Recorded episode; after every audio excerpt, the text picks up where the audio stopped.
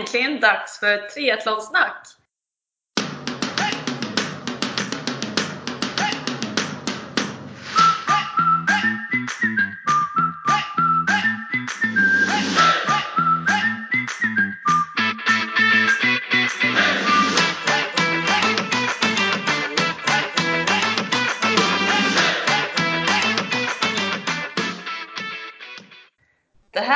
Avsnitt 25 med mig Sofia Häger och Med mig Therese Granelli. Hallå! Hallå! Hur är läget? Jo men det är bra med mig tycker jag. Jag sa ju precis här innan vi satte på inspelningen att det är väldigt soligt och fint idag och jag har inte ens varit ute än. Så. Du skulle tagit din, ute, eller din långcykel ute istället. Ja, det är ju det att jag bara inte har en cykel som passar vägunderlaget. Men Det, inte, det hindrar inte mig. nej, det, det är sant i och för sig. Nej, jag har faktiskt eh, varit ute två gånger med, vad heter med tempocykeln. och Det har varit riktigt härligt. Men hur är det med, för det är ju så mycket grus på vägar och sånt. Alltså cykelvägar ja, men på landsvägen nej. Alltså det är ingen grus Nej. alls. Det är verkligen fint. Så att, eh, men det har väl inte varit någon snö här i Göteborg typ så de har inte behövt grusa någonting. Det är bara 9 grader plus och regn konstant. Här har de ju slängt ut mängder med grus fast det inte har varit någon snö heller. Nej. Nej, det är väl nackdelen då med, med gruset. Men eh, det har funkat väldigt bra. Eh, väldigt kul att, att komma ut. Sen går det inte så fort men eh, ändå. Ja, men det är ju bara skönt att cykla ute. Precis, verkligen så. Hur är det med dig då? Eh, jo men det är bara bra. Eh, jag sa just det här att jag eh, Igår var det asdåligt väder. Det pissregnade och blåste i sidan och jag och eh, ja, min pappa och min farbror och eh, Viktor, min sambo, vi sprang eh, ett traillopp i, eh, nere i ja, men Varberg typ. Det heter Bocksten Winter Run. Så eh, vi, jag skulle inte sprungit, jag skulle bara varit med egentligen. Men så fick jag feeling som vanligt. så jag eh, fick en startplats, eller fick tag på en startplats eh, i onsdags kväll till 12 kilometern. Så vi alla sprang 12 utan Viktor som sprang 24. Eh, men det var riktigt, riktigt roligt. Det gick super, alltså bra så. Eh, Och kul att du är igång med löpning så himla bra redan. Alltså det är så roligt och det känns bra och just skog också, trail där det är mjukt och skönt. Det är, eh, uh, aj, det är jätteroligt. Eh, och jag har inte sprungit så långt innan då så jag visste inte hur det skulle gå men det gick jättebra, jättebra känsla. Och så, du vet jag ställer mig längst, jag ska vara så här eh, förnuftig du vet. Jag ska springa lugnt och sakta, jag ska bara ja, få känsla. Så start, och så, jag ställer mig egentligen alltid längst fram för att jag, är, jag, jag har adrenalin i början och gillar att springa iväg. Och så bara, nu ska jag inte göra det, jag ska springa liksom lugnt och fint. Och så ställer jag mig längst bak verkligen. Så frustrerad i starten, du vet jag kom inte fram, jag gick ju typ på stigarna. Och då blir det att man drar massa energi på att springa om och ut i geggan på sidorna och du vet jag bara måste ju få springa. Så det kommer jag inte göra om, jag kommer inte ställa mig längst bak någon gång igen. Men, Nej, men det gick bra i alla fall loppet.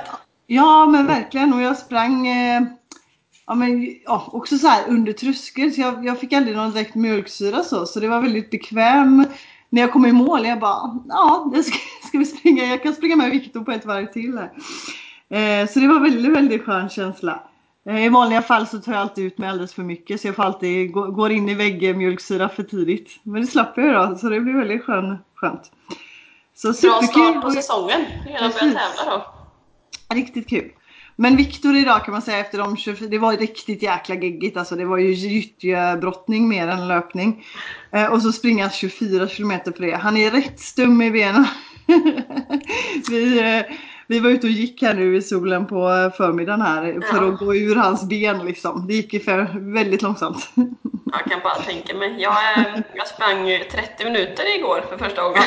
Härligt! Och jag är också ganska stum i benen. Så att, eh, allt är ju vad man relaterar till. Ja precis vad man är van vid också och vad Ja. kroppen är van vid. Ja, nej det var... Jag vet precis hur han känner idag när man verkligen har gjort något långt och tagit ut sig. Och den där träningsverken är ju... Men var han nöjd också då? Jo men absolut, han var jättenöjd. Han var mest nöjd över att han höll eh, typ samma tempo. Man sprang då, han sprang ju två varv på den här banan. Ja. Och sprang ganska lika tider. För han trodde verkligen, han är väldigt, eller ofta så att han tar i för mycket i början och så stumnar han också. tappa Ja, det, tempo. det är något man behöver träna på också. exakt, men han börjar bli jämn så det är kul för honom. Han känner att han har, ja, bra helt enkelt. Mm. Så Har det det var hänt något eh, annat sen sist för dig? Eh, ja, vad har hänt den här? Hur Eh, mår eh, lilleman? Mår bra. Där händer det ju mest kan man säga. Han börjar bli så jäkla stor och så. Men, och är verkligen med nu och ligger och tjötar och uh, ja, upptäckt sina armar och ben och älskar att ligga i gym. Och det, är, det är riktigt roligt. Han börjar bli, du vet, mycket mer respons och så nu också. Så det märks att han tre månader igen eh, på onsdag. Så, eller Ja. 12 veckor. Mm. Härligt. Så ja, det är kul. Men annars så eh, jag har ju vi gjort de här två veckorna egentligen. Ja, man glömmer av som sagt. Men Ja. eh, det har blivit en del träning och som sagt cykeln där när det har varit eh, två gånger. När det har varit fint väder. Det har varit kul. Eh, ja, och nu åker vi till, eh, på lördag åker vi till Italien och ska till Alperna. Så det ska bli Just kul. det, ni ska åka skidor igen. Så det är lite spännande det här. Vi ska flyga. Vi, ah, gud vad vi har hållit på med grejer. Och vi ska med oss vagn och allt vad det är du vet. Ja, Just det, det blir ett helt annat projekt. Ah, exakt. Men det är ekonomiskt att flyga med eh, småbarn i alla fall. Han kostar ingenting. Han får med sig barnvagn, han får med sig sitt babyskydd, han får med sig packning. Han får Oj. mycket grejer som helst. Ja. Och smyga i andra packning, annan packning i hans. Exakt. Jag bara så här, ja, bra att vara barn liksom. En annan får inte ha med sig någonting och kostar jättemycket pengar. Ja.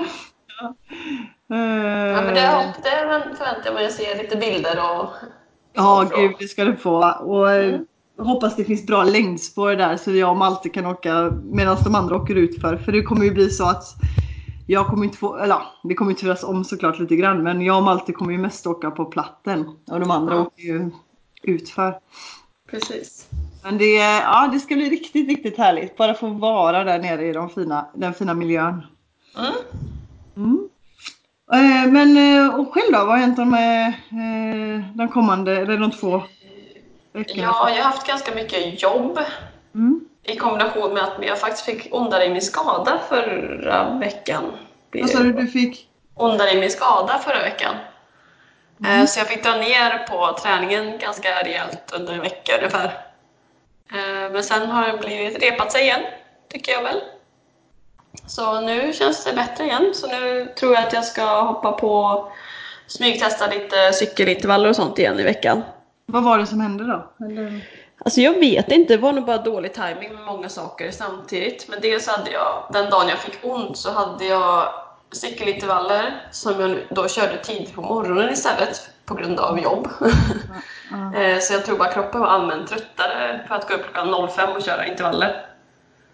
Eh, och så mina ben var helt döda resten av dagen efter det. Och så satt jag ju bara hela dagen och så hade jag ganska dåliga skor på mig. Okej. Vilket jag tror liksom att man, om man plockar ihop de olika bollarna så gjorde det nog värre. Mm. Så gjorde väldigt ont i några dagar, eller typ en vecka faktiskt.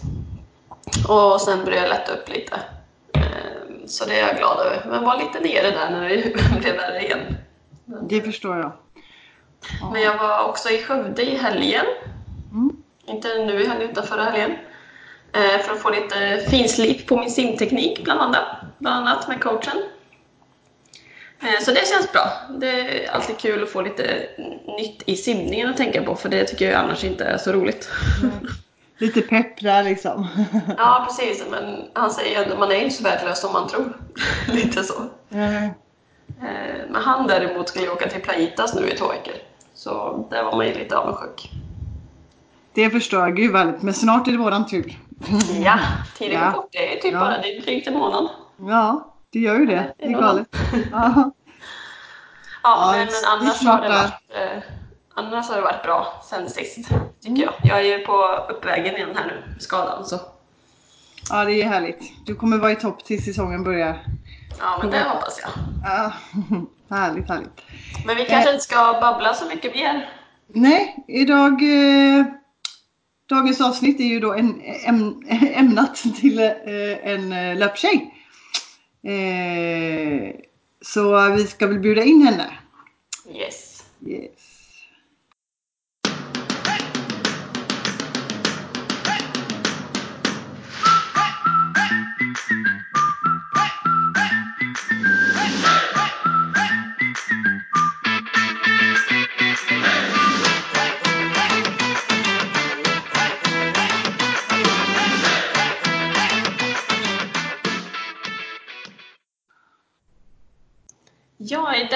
Avsnitt har vi fått äran att intervjua löpinfluencern Josefin Svärm. Hon sprider löparglädje via Instagram och podd bland annat, som ingen annan. Eh, och jag ser jättemycket fram emot, eller vi ser jättemycket fram emot, att höra mer om henne och hur hon har kommit dit hon är idag. Eh, så jag tycker vi hoppar direkt in i frågorna. Välkommen till Triathlonsnack Josefin! Tack så jättemycket! Vilken fin presentation! Härligt! Eh, vill du börja med att berätta lite om dig själv? Lite ålder, vart du kommer ifrån, livssituation och så? Ja, jag är 34 år, fyller 35 i år ehm, och jag bor i Motala. Eh, det hör man nog på min dialekt tror jag, jag är från Östergötland. Ehm, och jag, har, jag är uppväxt här också. Eh, har familj och barndomsvänner och allting i Motala. Uh, har varit och rest ganska mycket men efter att ha fått två barn som nu är sex och åtta år så har vi liksom återvänt lite till hemstaden kan man väl säga. Uh, och som du sa i inledningen här så uh, jobbar jag som löparinfluencer till stor del. driver också ett bolag med min sambo inom marknadsföring. Okay. Så det är, väl, det är väl jag mycket. Mm. Eh, hur, gammal, eh, hur gamla är dina barn? Och har de kommit in på någon idrott? De är 6 och 8, fyller mm. 7 och 9 i år. Mm. Eh, och de har båda börjat i simning. Eh, ganska nyligen faktiskt. Precis som du då? Ja, precis som jag. Vi har testat lite olika idrotter och så. Eh, men det är väl den idrotten som båda två känner att de tycker är, har varit roligast än så länge. Ja, vad kul! Kul, ja verkligen. Hur är det med din eh, sambo man? Tränar han också mycket? Ja, det är sambo. Vi är förlovade, men inte gifta. Mm. Eh, han tränar också ganska mycket, har alltid varit väldigt aktiv också. Eh, mest har det varit crossfit för hans del. Eh, fortfarande en ganska stor del av hans träning. Men han har ju precis som vi andra då också börjat simma nu. Ja, vad kul! En familjegrej alltså. familjen, alltså. Ja, det är helt galet. Men ja, så är det faktiskt. Hur går det då? Simmar ni liksom, går ni crawlkurs tillsammans eller hur? Nej, det började med att jag eh, började simma själv i crawlkurs i höstas. Mm. Eh, och efter den kursen så blev han jättesugen och inspirerad av mig lite. Så han sa nej, nu vill jag också börja simma. Eh, men han ville inte gå någon kurs. Så han eh, följde med mig på ett pass efter kursen var slut och eh, tyckte det var jättekul. Och han hade ju liksom talang direkt för att simma. Eh, mer än vad jag har såklart. Så att han drog iväg och gjorde voltvändning direkt och tillbaka och bara jaha, det, vad kul det här var liksom, säger han. Ja, jo, jo, kul. det är så bra för dig. eh, men så är det. Så att jag gick en kurs men inte han. Grymt! Alltså verkligen, vad, vad rolig grej att alla kommit in på simning. Ja, ja. Mm. Men du har ju bott, eller ni har ju bott på eh, Mallis. Hur hamnade ni där? Ja, bra fråga. eh, vi, vi har alltid som par, vi har, vi har varit tillsammans i tio år eh, och sen dess har vi alltid rest mycket tillsammans. Eh, både innan barnen eh, föddes och eh, efter. Eh, och vi får ju varje gång vi reser re mer smak och vill mm. liksom till härligt klimat och värme mer. Um, och vi sa det när våran dotter var lite mer, hon var väl tre år tror jag, när vi började fundera på att nej, men, vi skulle vilja eh, komma iväg till något varmare klimat och testa på det här livet. Så började jag kika lite på vart man kan åka eh, och insåg att inom Europa är lättast med tanke på visum och så. Och eh, jag läste på mycket om Palma, för många svenskar bor och har bott där. Eh, och eh, vi åkte dit och kollade eh, in Palma, egentligen på Mallorca, ganska snart på där och fastnade direkt för, för klimatet, för staden, för kulturen. Eh, och sa att vi ställer våran son i kö till svenska skolan som finns där också. Och han kom in där ett år efter och då så sa vi det att nej, vi, vi säger ja till platsen och så chansar vi här nu. Vi kör, vi säger upp allt vi har här i Sverige och eh, flyttar. Så, så på den vägen är det. Cool. Så är den skolan alltså på svenska då? Ja, då, det, är, ja det är det. Det är precis som svenska skolsystemet, samma eh, där. Eh, men du får också lite mer engelska och spanska eh, också i skolan. Eh, och min dotter, hon, som, hon gick i förskola då, hon började förskolan på samma plats där. Eh, och där hade de pedagoger som en kunde prata svenska ordentligt, de andra var från Spanien. Så att hon fick ju massor spanska eh, från start där. Så att, eh, det var väldigt eh, givande för dem. Så eftersom det var, alltså är det så mycket svenskar så att det nästan känns som hemma när man är där eller? Ja, alltså lite så blir det ju. Eh, tyvärr på ett sätt kan väl jag känna Ja. efterhand så. För att, vi ville väl lite egentligen åt mer av den spanska kulturen ehm, än vad man fick med tanke på att eftersom att barnen gick i svenska skolan så lärde vi känna många svenska familjer. Så man Ja. umgicks ju då lite eh, så på, på det sättet även utanför skolan. Mm, men däremot så bodde vi i ett område eh, Molinar heter det. Det ligger lite öst om eh, stadskärnan. Eh, och där var det faktiskt väldigt mycket lokalinvånare som, eh, som bor. Så att det var inte så många svenskar där borta. Vilket var lite skönt tyckte vi ändå. Hur många år eh, bodde ni där? Hur länge var ni? Mm, ett och ett halvt blev det år. Mm, men vi hade nog, vi hade gärna varit kvar lite längre. Eh, tror jag. Eh, vi känner väl att alltså, skolan det är en privatskola. Så att den blir väldigt dyr på sikt. Eh, Okej. Så vi hamnar lite där att ska vi verkligen liksom lägga så här mycket pengar på skolan när vi kan liksom spara undan istället och ja, tänka lite framåt. Eh, och då valde vi att åka tillbaka. Eh, och samtidigt så lockade jag också eh, familj och vänner eh, Mm. väldigt mycket. Vi saknade dem jättemycket när vi var borta. Jag förstår, så det var anledningen till att ni flyttade hem egentligen? Ja, det var det. Skola och, skola och saknaden. Ja, precis. Mm. Mm. Har du några sådana här spontana tips för folk som funderar på att flytta utomlands till just kanske Mallorca eller något liknande eftersom det är så vanligt? Ja, alltså det jag kan säga direkt så här kände vi att det var faktiskt lättare, alltså allt runt omkring än vad vi trodde det skulle vara. Man tänker att det är lite krångligt och men gud, det här kan man inte göra. Det kommer ju bli heltidsjobb innan man kommer iväg. liksom. Ja. men, men alltså, det finns så många ett tips är ju att gå in, det finns Facebookgrupper säkert för massa ställen i världen att åka till. Men just svenskar på Mallorca, svenska familjer på Mallorca, i Palma finns söka upp grupper på Facebook. Och där är de jättebehjälpliga. Så vad man än undrar över så får man svar direkt. Och det kan ju vara, man måste ha ett tillfälligt spanskt personnummer när man bor där. Hur fixar man det? Eh, och då får man svar direkt. Ja, här har du nummer till den person som kan hjälpa dig när du kommer ner på plats. Eh, flyttfirmer, om vi behöver flytta möbler, vart tar vi av oss? Jo, då får man tips på det direkt. Liksom, olika typer av flyttfirmer. Och nummer och allting dit, kontakter. Ehm, så liksom, jag tycker att det är lättare än vad man tror. Så Eh, egentligen gå med i Facebookgrupper? Ja, ja, det är faktiskt väldigt, väldigt, väldigt bra. Ja. Ja. Kommer ni att flytta dit igen tror du? Jag vet inte. Alltså vi är lite så här. När vi kom hem först så var det ganska skönt att landa hemma. Eh, men nu känner man så här, nu har det gått ett år efter att vi flyttade tillbaka till Sverige. Och man känner ju nu, nej men vi saknar det ju jättemycket alltså. Eh, och vi funderar lite på om det kan bli Palma igen på sikt någon gång eller om det kanske kan bli någonting annat. Eh, men jag tror ju att vi kommer göra minst en sån här lång resa eh, igen. I, absolut. Eh, allt ska klaffa bara med skola och sånt där. Det är det som är.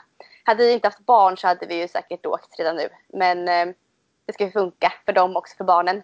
Det är det som är det viktigaste. Ja, det är mycket att tänka på. Ja. ja. Eh, om vi lämnar eh, resa och Mallis bakom oss och så går vi in på din löpning lite. Hur, eh, hur kom du in på löpning? Jag började springa väldigt tidigt. Ehm, Jag minns, jag har en tvillingsyster och vi två vi tävlade mot eh, de stora killarna på gatan eh, där vi var uppväxta. När vi var fem, sex år kanske. Eh, Och jag hade liksom fallenhet för det. Det var kul att springa. Och jag hade ganska lätt för att springa tidigt. Ehm, Sen minns jag min första löptävling. Då var jag sju år. Ehm, Och då sprang jag med min tvillingsyster och eh, vår mamma var också med där. Och så sa vi till henne innan att mamma, nu måste du liksom vänta på oss här nu när vi springer. Så vi springer ihop hela vägen för vi var lite rädda för att springa tävling. Ja, jag lovar, så hon. Sen så gick startskottet och vi rusar iväg. jättesnabbt båda två. Så hon, fick ju liksom, hon kom flåsandes i mål efter oss till slut sen. så, liksom, ja. så efter det så blev det ju med lite sådär, åh oh, vad kul det här är, jag har lätt för det. Mm. Så. Eh, och då så började jag i friidrott sen när jag var åtta, nio tror jag att det var, det började friidrott. Och så höll jag på med det i tio års tid. Tyckte okay. din tvillingsyster var lika kul som hon också höll fast i löpningen eller? Ja, vi har hållit ihop i löpningen hela livet egentligen. Kul! Ja. Har, ni, har ni tävlat mycket eller har du tävlat mycket? Ja, alltså framförallt var det ju tävlingar när jag körde friidrott och då var det ibland löpsträckor, men max 800 meter där liksom friidrotten. Sen så har jag tävlat eh, ja, renodlad löpning också i skog och mark liksom som liten. Eh, inte på jätteseriös nivå egentligen. Mest för att det var roligt och alltid varit kul. Eh, och sen nu på senare år så har jag ju verkligen jag har verkligen, jag har tävlat mycket genom åren men senare år så har jag liksom vänt lite på det och tävlar och tränar mer för att uppleva lopp. Jag var lite så mer mm. prestationsinriktad eh, som yngre så men har liksom släppt prestationen mer och mer ju äldre jag blivit. Eh, I mitt tänk i alla fall. Men däremot så har jag fortsatt att eh, slå personbästa eh, som förra året utan att liksom haft den här ambitionen egentligen att kanske göra det. Det har kommit naturligt av att, att löpningen har blivit rolig, tror jag. Men det är så roligt för att eh, ofta när man liksom släpper på pressen så kan man ju prestera bättre. Ja, verkligen. Så upplever jag det jättemycket i min egen Men glä ja, glädje gör ju mycket också. Att man, är, mm. ja, man tar ofta lite ifrån det om man blir för, eh, ja, för inrutad helt enkelt. Kan ja. ta glädjen ifrån det när man väl släpper på det så ja, då kommer mycket. Ja. Men eh, vad, vad är du mest stolt över inom eh, löpningen? Vad du har gjort liksom? Oj, i prestation mm. tänker du på då eller? jag, jag bara, ja. Mm. Ja, nej men jag, mm. jag, jag, kan väl säga, jo så här. Jag, eh, jag blir alltid väldigt stolt eh, när jag lyckas att eh, överkomma det här mentala jobbiga när jag springer. Mm. Um, så jag blir väldigt stolt när jag springer lopp där jag får slita ganska mycket men ändå så överkommer jag det på något sätt. Och eh, går starkare ur och kanske till och med står personbästa fast jag egentligen inte hade den här perfekta dagen i början. Um, och så var väl lite jag har haft ett sånt halvmaratonlopp förra året så var jag, jag hade varit sjuk innan och var inte alls förberedd och bara det här kommer ju, ja vi får se hur det går liksom. Jag startar och uh, men jag tog mig igenom och jag personbästa på en minut eh, var det ju bara då. Men ändå så här, jag kämpade verkligen för det här personbästa. um, så det är jag väldigt stolt över, när det som överkommer det mentala eh, ja, jobbiga. Jag tänkte eh, precis säga det, mentala biten liksom. När man, eh, ja, mm. för den har varit min svaghet genom livet väldigt mycket i löpningen mm. eh, tidigare. Men jag har blivit så himla mentalt stark eh, nu mera. Eh, vilket är jätteskönt, verkligen. Kul! Ja. Hur, hur mycket tränar du ungefär en vanlig vecka om det finns något som heter vanlig vecka? Ja, de ser ganska olika ut just nu i alla fall. Jag, eh, jag har faktiskt haft en lång skadeperiod eh, mm. nu. Eh, ända sedan egentligen Stockholm Marathon förra året, i början på juni. Eh, så började det med en, en meniskskada i knät och sen så fick jag även en fotskada av paddelträning eh, i augusti. Ja, så den fotskadan är fortfarande kvar. Eh, och jag jobbar på att få bort det. Så att, eh, just nu är ju inte löpningen så stor del av min vardag, tyvärr. Eh, men när löpningen är det, i vanliga fall när jag springer, så springer jag eh, ungefär fyra till fem gånger i veckan. Eh, och ehm, jag springer väldigt ostrukturerat. Alltså jag springer på känsla eh, i princip alla mina pass.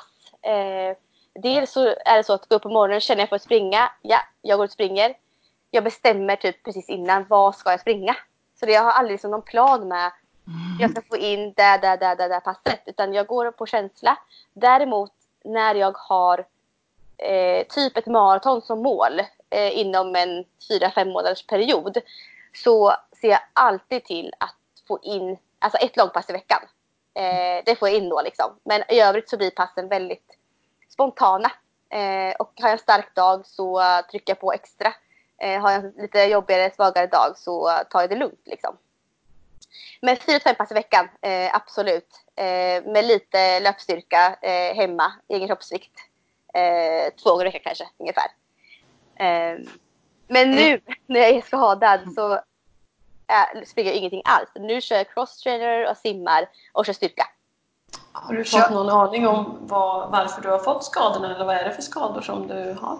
Ja, eh, jag har varit och sökt hjälp jättemycket på olika, hos olika personer. Eh, och jag fick äntligen väldigt, väldigt bra hjälp. Jag var i Stockholm för några dagar sedan eh, och träffade en fysioterapeut där. Som eh, konstaterade att jag har en eh, väldigt inaktiv högersida av bålen. Eh, den används i princip ingenting när jag liksom är aktiv. Jag använder bara fram till och vänster sida okay. av min bål egentligen. Så mitt säte, högersäte blir också väldigt inaktivt. Vilket gör att mitt högra knä det liksom går in i pronation i varje steg. Um, och min vänster, mitt, mitt, vänstra ben får ta väldigt mycket um, stryk. Eller, den, får liksom, den får vara styrande i steget och ta väldigt mycket av kraften. Och min vänstra fot är ju från paddelskadan. Eh, och den har ju varit väldigt överansträngd länge då. Men i, i paddelspelet troligtvis så hände någonting där. Det liksom blev för mycket. Och det knäppte till och vart för mycket för foten. Så allting grundar sig i min högra bål kan man säga. Kroppen är ja. komplicerad alltså? Ja. Mm. Mm. Eh, du sa att du körde lite löpteknik och sånt, löpskolning. Har du några konkreta liksom, exempel på det? Ja, alltså jag har ju sån tur så jag har ju med mig löptekniken och löpskolningen från min friidrottsbakgrund. Mm. Eh, så för mig så kommer den in väldigt, väldigt naturligt. Eh, eh, och jag kör ju ganska basic övningar när jag själv kör teknik. Eh, det jag alltid liksom försöker få kunder att förstå eller personer att förstå det är ju liksom att det finns vissa grunder i löptekniken som är viktiga att tänka extra mycket på så man kan ta med sig sin egen löpning på löprundorna. Um, ehm, och det kan till exempel vara, bland annat vara eh, att man alltid har liksom en liten anspänning i bålen så man får upp en fin rak liksom, hållning eh, när man springer. Slappnar av för mycket så kommer du hamna i svank så det måste ha en liten anspänning i bålen hela tiden. Eh, och stolt hållning. Tänk på det hela, hela tiden. Ehm, lite så här segwaylutning i, då förstår man ganska bra vad man menar liksom. Att man, uh-huh. man får liksom inte vara för upprätt för då hamnar man oftast kanske lite, kraften blir lite bakåt istället. Och försök gå liten lutning framåt. Ja, det känner jag igen på mig själv.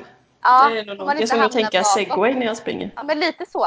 Och då, och, det, och då ska man vara rak fast lite framåtlutad liksom. Eh, och ändå fram med bröstet eh, så det inte sjunker ihop. Um, och sen att man verkligen landar med foten under kroppen. Eh, så det inte hamnar framför kroppen för då saktar du ner dig själv, då bromsar du dig själv i steget. Man ska ju alltid driva framåt. Det är dit vi vill. Eh, och armarna är också en sån grej. Armarna är många som fram och tillbaka och sidorna eh, roterar istället för att du ska liksom fram och bak i riktning. Det är framåt vi liksom vill. Eh, så det är de grejerna jag brukar liksom poängtera. Sen finns det ju olika löpskolningsövningar som man liksom kan ta till eh, för att få in det här. Um, och de får in, inte vara för krångliga till en början i alla fall. Um, men att man kanske kör höga knälyft. Tänk på att du har anspänd bål. Tänk på att du har segwaylutningen hela tiden. Foten under kroppen och inte framför med höga knälyft. Um, spark i baken. samma sak där med lutningen. Håll kvar den. Håll kvar anspänningen. Armarna framåt, inte på sidorna. Eh, Sådana basic-övningar. Det behöver inte vara jättekrångligt. Nej, bra. Kul. Löpskolning är något sånt som jag inte har prioriterat. Ja, nej, men det, det, det kan göra väldigt mycket. Och ja. faktiskt, alltså löpskolningen i sig gör att du blir väldigt stark. Du blir väldigt stark i bålen, i vristerna, du tränar liksom styrka samtidigt. Eh, och ett tips ska vara ytterligare att faktiskt ha, att köra löpskolning i en liten, liten uppförslutning. Eh, för då kommer mm. oftast den här landningen under kroppen naturligare och att du får en landning lite mer på mellanfoten och in, så du inte hamnar för långt bak mot hälen. Utan lite mer mellanfoten. Eh, det är lättare att köra löpteknikövningarna i lite uppförslutning. Bra tips! Grymt, ja verkligen bra tips. Du nämnde ju också att du körde en del styrka, rörlighet. Har du även några bra övningar eller ja, tips där? Ja, alltså styrketräningen mm. har jag försökt att få med mig eh, genom alla år egentligen. Alltså kroppsviktsstyrka Eh, sen hade jag gärna velat ha den här motivationen att gå till gymmet och lyfta tunga vikter mer. För att egentligen så skulle jag vilja rekommendera eh, löpare att faktiskt lyfta lite tyngre. Dels eh, alltså marklyft, vanliga simpla marklyft med Mm. ganska tunga vikter. Köra eh, knäböj med stå- skivstång eh, eller med eh, kettlebell framför sig och köra knäböj. är jättebra för löpare. Eh, det kan jag också göra hemma. Jag har kettlebell hemma. Så sådana knäböjsövningar och marklyft med kettlebell kör jag mycket hemma faktiskt. Men när jag inte har vikter så eh, tycker jag att den här draken eh, det man kan söka på den om man inte vet vad det är för någon. Eh, draken som övning tycker jag är väldigt bra för löpare. Då använder man en sida åt gången. Eh, och där kan man också variera och ha en kettlebellvikt också i händerna. Eh, när man kör den övningen. Eller utan. Det går bra utan också. Eh, sen finns det ju även den här Bulgarian squat. Heter den där? Ja, jag är osäker på, Mm, på, ja. på namn på så här, men jag... Eh, den Är det när man har liksom upphöjt ben bakom sig eller? Ja, precis. Man har ett ben bakom sig på en upphöjning och ett ben står framåt då och så kör man en squat liksom i det läget med ett ben i taget.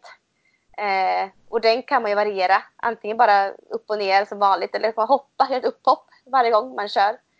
Men det Eh, blir väl mer utfall då? Om du har ett ben Ja, bakom dig? ja, ja, ja, sorry. Nej men jag, Ja. då är jag med. Mm. Ja, du vet rätt. Utfallssteg, exakt. Mm. Mm. Ja. Hur, hur ofta kör du såna här öv- övningar då? Styrkeövningar liksom lite mer?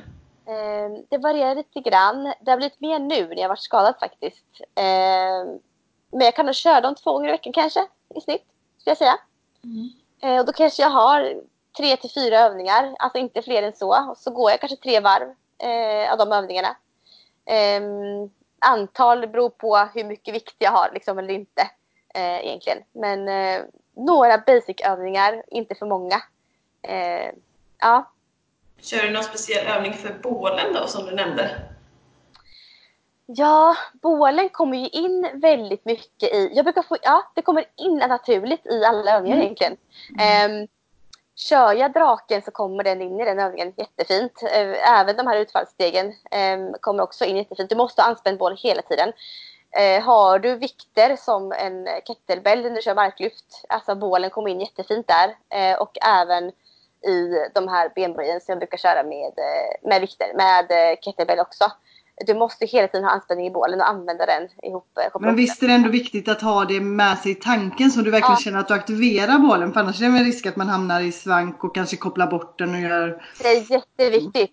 Eh, och, Ja. och verkligen nu, jag efter jag varit, och, alltså med min ska, mina skador och så här nu, så jag, innan jag ens börjar göra eh, mina styrkeövningar nu så kopplar jag på bålen, alltså bara står stilla liksom och Mm. tänker in andningen, hur andas jag, hur, hur jobbar bålen nu? Sen, sen börjar jag övningarna. Mm. När hela bålen är påkopplad, då börjar jag köra. Så att eh, bålen kommer in där, men det gäller ju som sagt att ha anspänningen hela tiden liksom. Det är ett samspel. Ja precis, ja, men det är viktigt att tänka på faktiskt. Mm. Det glöms nog lätt bort. Ja. Eh, Men för att hoppa ifrån själva löpningen lite. eh, Hur kom du in på att bli en influencer och hur, hur gick det till hela den resan? Ja, det där var ju också... Ja, så här jag eh, ansökte 2017 i början där, i januari, eh, att komma med i eh, Asics Frontrunner. Eh, ett löpar-community eh, inom Asics då, där man liksom ska vara med och visa upp deras produkter. Man får produkter av dem hela året eh, att använda och få gå runt på lopp eh, med Asics, eh, med deras eh, produkter på sig och så som en ambassadör liksom, eh, för Asics. Eh, och jag kom med eh, i den uttagningen. Eh, och då tänkte, visste jag inte alls vad det skulle innebära. Eller jag tyckte bara det lät väldigt kul som en sån community. Få produkter som löpare det var ju perfekt för mig. Liksom. Ehm, och sen så förstod jag lite mer att vad det innebar. Liksom, att man skulle vara en frontfigur för dem på sociala medier. Eh, och då började jag egentligen min eh, vad ska man säga, Instagramresa. Jag började lägga upp bilder när jag eh, sprang eh, och visade löparglädje egentligen kan man väl säga. Inspirerad inom löpning. Eh, och eh, mitt konto började växa ganska fort. Väldigt snabbt där.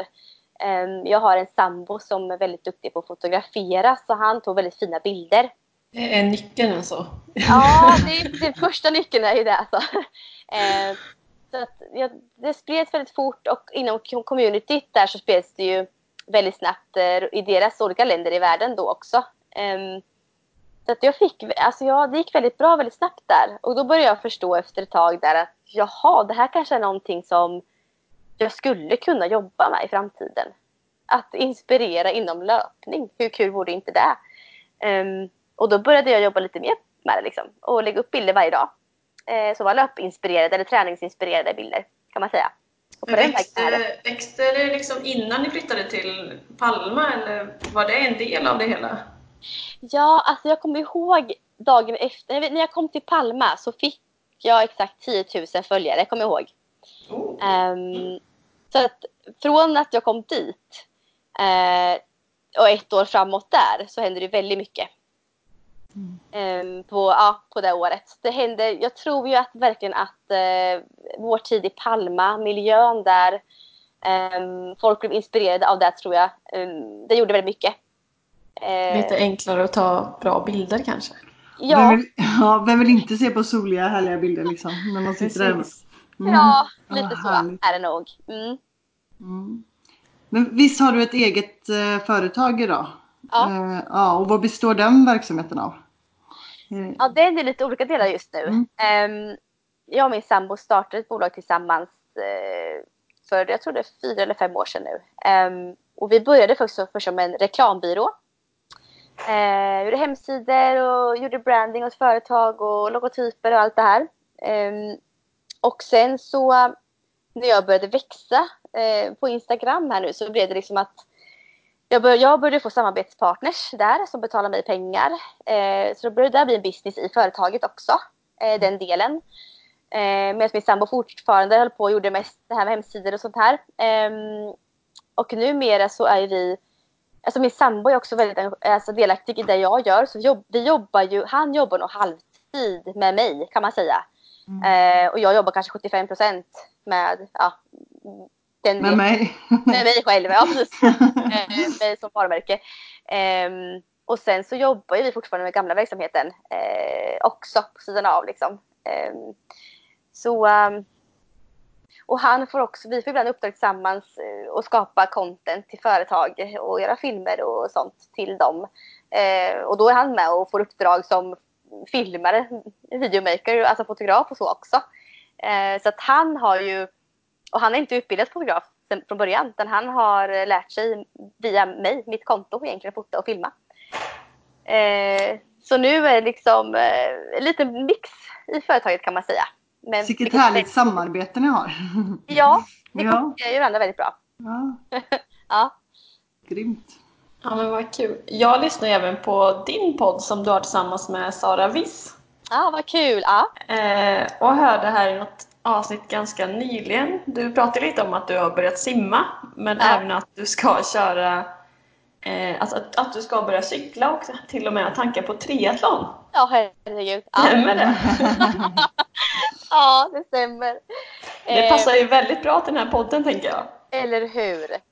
Och jag är så här, jag kan tänka mig att ni kanske har lite nybörjare som lyssnar på er med kanske. Som kanske blir lite, kanske lite så inspirerade ändå av en ja, nybörjare. absolut. Ja. Jo, men det stämmer. Um, I och med att jag blev skadad förra året så uh, började jag tänka om lite och tänkte att nej, jag måste hitta någon sport som är väldigt skonsam för kroppen. Och jag hade tänkt på simning ganska länge, att jag skulle vilja, det var så kul att kunna simma. Uh, och simma har varit så här, min stora skräck i sportsammanhang, alltid. Um, så jag, det var det sista jag kom, eller tänkte på egentligen var att jag skulle på riktigt ta tag i det. Men jag bestämde mig för att nej, nu kör jag. Nu chansar jag. Jag börjar simma. Eh, jag gjorde ju det i höstas. Eh, och jag började ju alltså med, jag var så himla rädd första lektionen. Eh, och hade aldrig ens testat ett kråltag. Verkligen. Eh, tog två, två tag typ, fick panik, upp igen. Tog två tag, fick panik, upp igen. Började bröstsimma. Alltså jag var verkligen från start jätteny. Eh, men så gick jag en kvalkurs eh, på tio veckor och eh, det hände massor där. Alltså min rädsla för simningen, eh, väldigt stor del försvann. Eh, jag vågar vara under vatten utan att få panik numera liksom. Eh, och börjar verkligen nu nöta teknik och verkligen går in för att lära mig på riktigt. Och då börjar ju, och i samband med det här nu i, i, i vintras så hörde Vätternrundan av sig och vill att samarbeta med mig eh, med Tjejvättern eh, nu i, i sommar. Eh, och då sa jag att ja, ja men det vill jag. Ehm, och jag har aldrig cyklat heller. Jag har aldrig, jag har aldrig suttit på en racer förut. Eh, men tänk att cykling kan de flesta ändå göra. Så det kan inte vara så svårt, tänker jag. Och jag har inte börjat träna än. Eh, jag ska få en cykel som jag ska låna här snart nu och börja testa lite. Eh, och i och med det nu så blev det ju ett swimrun var första målet. Det kommer första målet i sommar. Eh, men i och med att cyklingen också kom in så tänkte jag att varför inte testa att köra ett eh, triathlon i år eh, efter sommaren. Så nu är det både swimrun och triathlon som jag har eh, som lite mål nu i år faktiskt. Men gud det, vad är kul. inte, det är inte ovanligt att gå den vägen. Jag har ju gjort detsamma. Jag var ju främst löpare också egentligen. Ja.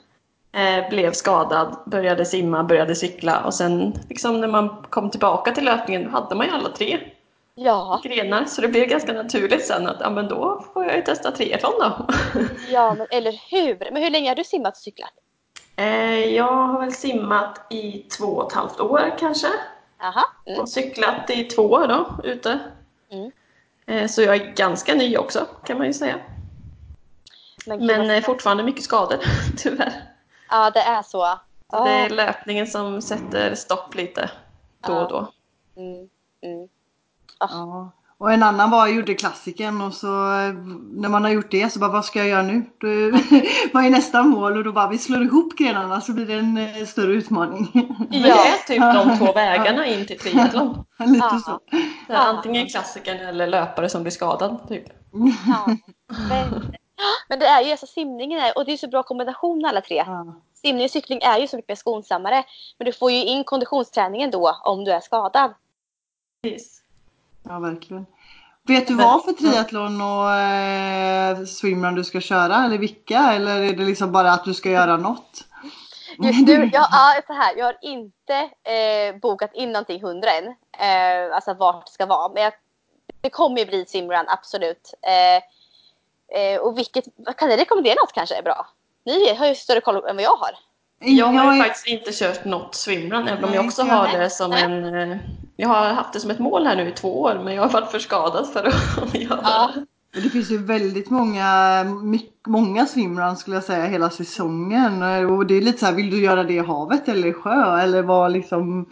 Just det. ehm, Ja, det finns, Ja, det finns hur ju. långa och hur stor Mm. utmaning ska det vara? Det finns ju verkligen Det är ju som triathlon med, man kan köra en sprint eller så kör man en Ironman. Det finns ju verkligen eh, Ja. Allt så.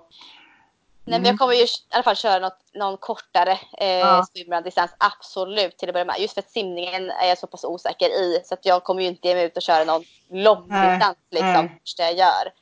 Eh, men sen så blir det triathlon. Däremot, det är nog bestämt att det blir Vadstena triathlon. Okej, är det sprint eller olympiskt du har tänkt dig?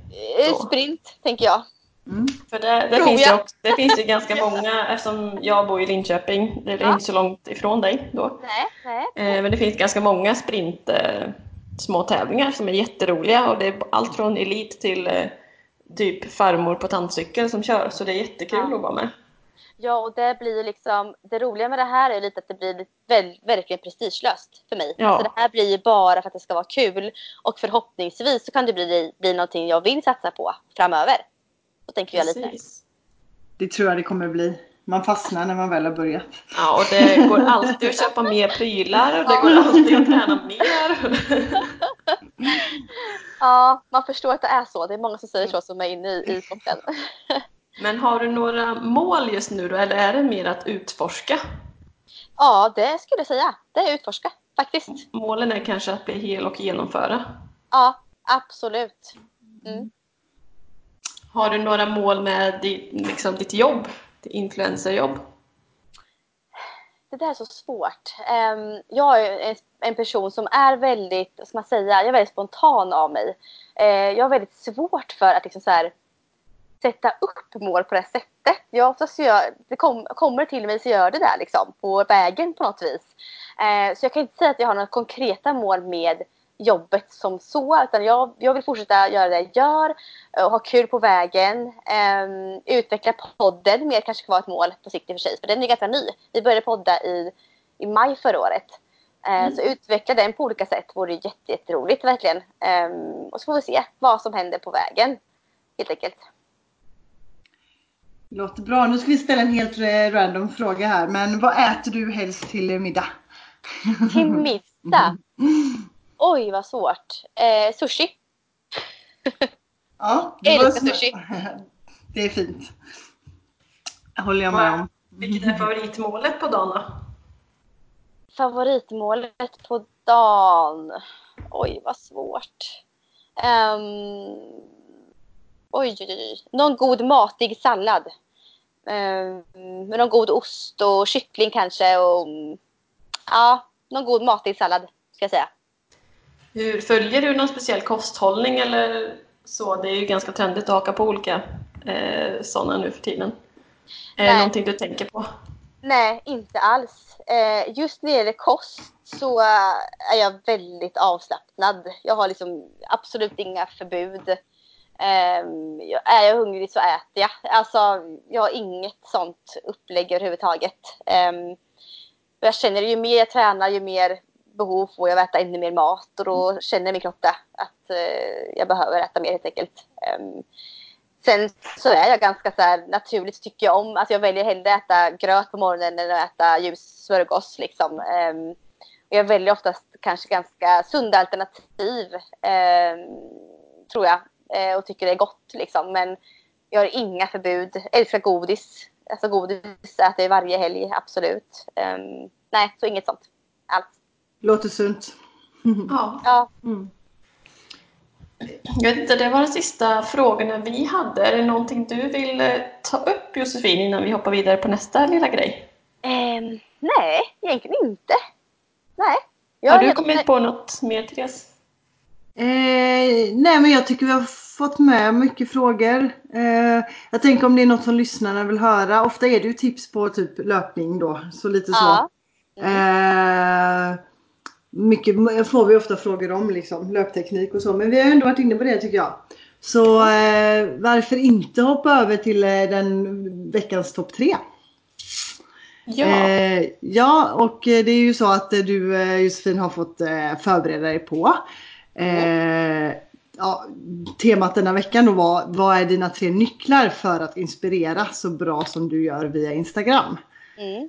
Eh, har du tänkt till? ja, men jag har det. Eh, ja. Det kom ganska snabbt till mig vad det är faktiskt. Mm. Eh, och tips nummer ett där, eh, det är att våga vara sig själv och inte bli för professionell. Mm. Eh, och med det menar jag lite att man ska inte hänga upp sig allt för mycket på att posta när det är bäst tid på dagen. Inte planera inläggen kanske i förväg för mycket utan låt det komma spontant till dig där du vill få ut liksom. Eh, och att det är okej att ibland ta en spegelselfie i farten. Eh, och ibland kan de här inläggen som är spontana liksom ändå gå hem som bäst. Eh, och bjussa lite på dig själv på humor och svagheter och så. Så det är nummer ett. Mm. Nummer två där. Eh, det är att interagera med sina följare. Eh, och det här är någonting som jag, för mig så har det här kommit väldigt naturligt. Eh, och känns väldigt viktigt för mig. Eh, jag vill inte ha ett konto eh, där det är en envägskommunikation. Utan jag vill verkligen ha ett konto där jag får ett utbyte.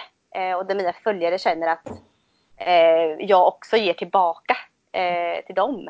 Eh, för de, är, de håller på att uppmuntra mig hela tiden liksom, i kommentarsfältet. Då känner jag att jag vill liksom, ge tillbaka på något sätt. Ehm, så integrera med dem är jätteviktigt. Och det tror jag kan vara en framgångsfaktor om man vill, liksom, eh, om man vill växa och man vill inspirera. Och den tredje där, tredje tipset, eh, det är att hitta en nisch eh, som verkligen är du.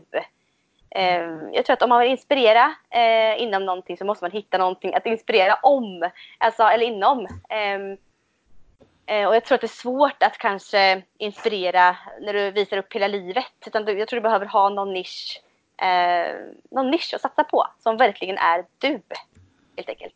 Och din nisch är då löpning som ett exempel? Ja, min nisch är löpning och kanske liksom glädjen kring löpningen och liksom, ja, och sprida det budskapet på något vis. Att, att löpningen och träningen får mig att må väldigt bra.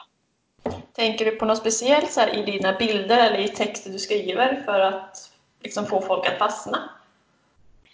Alltså jag försöker ju... Alltså jag, försöker, jag, jag försöker verkligen alltid vara mig själv i det jag skriver. Och det jag skriver så... Jag, jag, jag lägger alltid upp inlägg väldigt sådär... Jag kan tänka mig att det blir och kvällar då har jag tid att lägga upp. Men det jag skriver om är ju alltid någonting som jag tänkt på kanske under dagen eller som kommer till mig precis nu och bara det här vill jag få ut. Och då blir det spontana inlägg som jag bara känner här och nu. Och jag tror att man kanske känner, känner av att det är så. Jag hoppas det i alla fall att man känner det, att det kommer från hjärtat och liksom eh, inte så genomtänkt varenda gång. Det är, väl, det är väl det tror jag som man kanske ser. Jag hoppas det i alla fall. Eh, och att jag verkligen försöker eh, sprida glädjen och det här jag känner för träning till de som följer. Det tycker jag att du lyckas med i alla fall, som, som en följare. Tack så jättemycket. Ja, verkligen. Mm. Ja, men bra tips! Sen har vi någonting som vi kallar fem snabba som vi kör med alla som vi intervjuar. Ja. Så då kommer vi säga två alternativ och så får du utan att egentligen tänka så mycket välja ett av dem. Ja, spännande. Mm. Eh, känner du dig redo? Ja. ja. Eh, träna med eller utan musik? Eh, med. Chips eller godis? Godis. Sprint eller olympisk distans? Eh, jag säger sprint först då. Ja, sprint just nu. Skavsår eller håll? Eh, eh, skavsår. Varma eller kalla förhållanden under tävling? Mm, varma. Lite, de är lite triathlon-anpassade vissa av dem, Ja. men du kunde ju svara bra där ändå. Ja. Men eh, du tvekar lite på den här sprint eller olympisk, för du, Jag i löpningen så är du mer inriktad på längre distans, Ja, eller hur? det är ju så. Alltså egentligen så vill jag ju springa långt men simma kort just nu. Det är det Ja. optimala för mig. Men eh, så, alltså på sikt kan det bli längre. Eh, hoppas jag på. Men just nu får jag Ja. säga sprint. Och jag tänkte det var inte så schysst att säga sprint och olympisk när du knappt har, du har inte kört. Nej, eller hur? Vi får, vi får se på den liksom. ja men exakt. Jag tror att det, Återkomma. kommer, det blir olympisk eh, när du har testat tror jag. Ja, det kan vara så faktiskt. ja, kul. Det var faktiskt alla, allt för idag och det har varit så himla roligt att få intervjua dig Josefin. Det tror jag att lyssnarna också kommer tycka. Precis. Jättekul att ha varit här och, och att få prata med er lite. Så för de som eh, undrar, vad, vad heter du på Instagram och så? Josefine Svarm på Instagram. Och podden ni har heter? Eh, Viss och Svärm on the run. Just det. Mm. Så det är bara att in och lyssna och prenumerera. Ja, jättegärna. Eh, och sen för alla andra också, jättegärna gå in på vår triathlonsnack och kommentera om det är så att man har några frågor eller liknande. Eh, ja, men jag måste bara, nu kommer jag bara sådär, du sa ju att du skulle göra eh, Tjejvätten och att du var spon- eller de vill ha med dig därifrån. Ska Ja. du göra det liksom som en grupp eller är det att du kommer köra ensam eller vad är liksom vad, vill Vättern, eh, ja, vad är Vätternrundans eh, liksom bild på hur du ska göra det? Vi ska att- faktiskt, ja men så här är det. Vi ska eh, skapa ett team. Eh, vad det nu ska heta vet jag inte riktigt än, men ett team kring mig. Eh, så att eh, alla tjejer som vill cykla i det här teamet med mig kommer Mm. kunna eh, anmäla sig och ansöka till det eh, när det kommer ut. Det är inte ute riktigt än, men det kommer komma. Så vi ska cykla tillsammans. Ja, vi kommer ha samma dressar på oss och ja, verkligen köra som ett team. Vilket, och pre prestationslöst, verkligen så. Det ska bara vara kul. Okej, så det finns liksom ingen så här tidsmål eller något man behöver ha för att cykla med eller så? Nej. Ja, Men riktigt rolig grej. Jag tänkte att någonting sånt var det säkert. Som Mm. du, ja. Mm, ja men roligt. Ja. En liten instickare där bara. Ja. Härligt. Ja, men kul, då ska vi nog inte hålla dig fast längre den här söndagen. Nej, det var bara trevligt. solen. Mm. Jättesnällt att du ville vara med. Ja, jättekul. Och så kan vi bara passa på att säga nästa poddavsnitt eh, kommer också vara en intervju med Linda Linnhart. Så där kommer vi att eh, gå ut med lite på triathlonsnack och så ju närmare vi kommer. Japp. Som Yes. sagt så har ni frågor så Instagram eller mejla oss så eh, svarar vi. Ja, Toppen, men då säger vi så för den här gången. det gör vi. Ha det fint! Hej då allihopa! Hej!